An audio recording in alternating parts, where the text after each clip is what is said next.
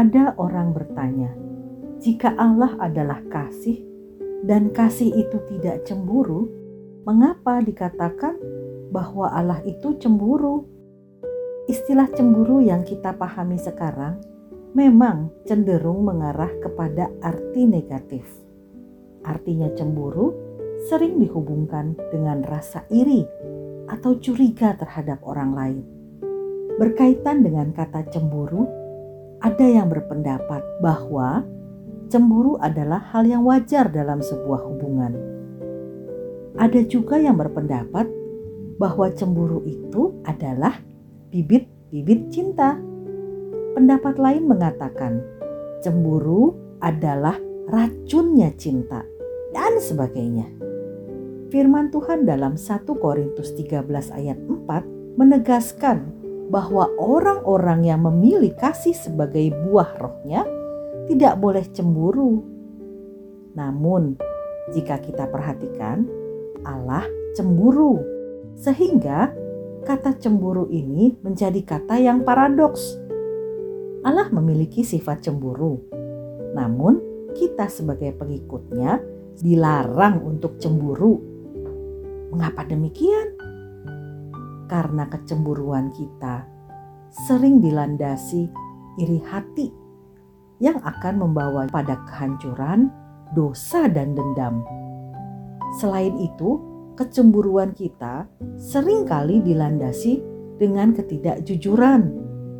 Berbeda dengan Allah, sebab Allah selalu mengakui kecemburuannya karena itu dia tidak mau umatnya jatuh ke dalam dosa.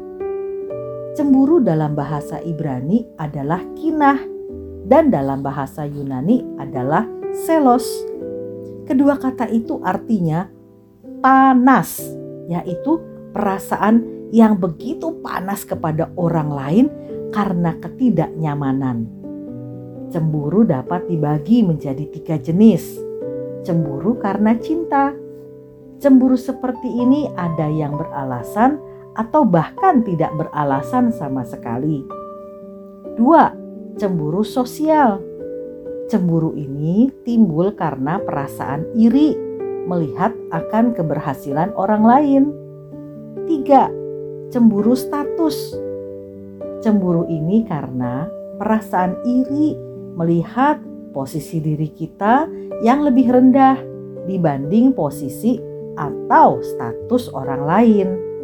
Adapun ciri-ciri orang yang cemburu antara lain adalah tiba-tiba marah tanpa alasan dan kejelasan, cenderung menyerang karena selalu merasa tidak nyaman, selalu cenderung melihat orang lain dari sisi negatif.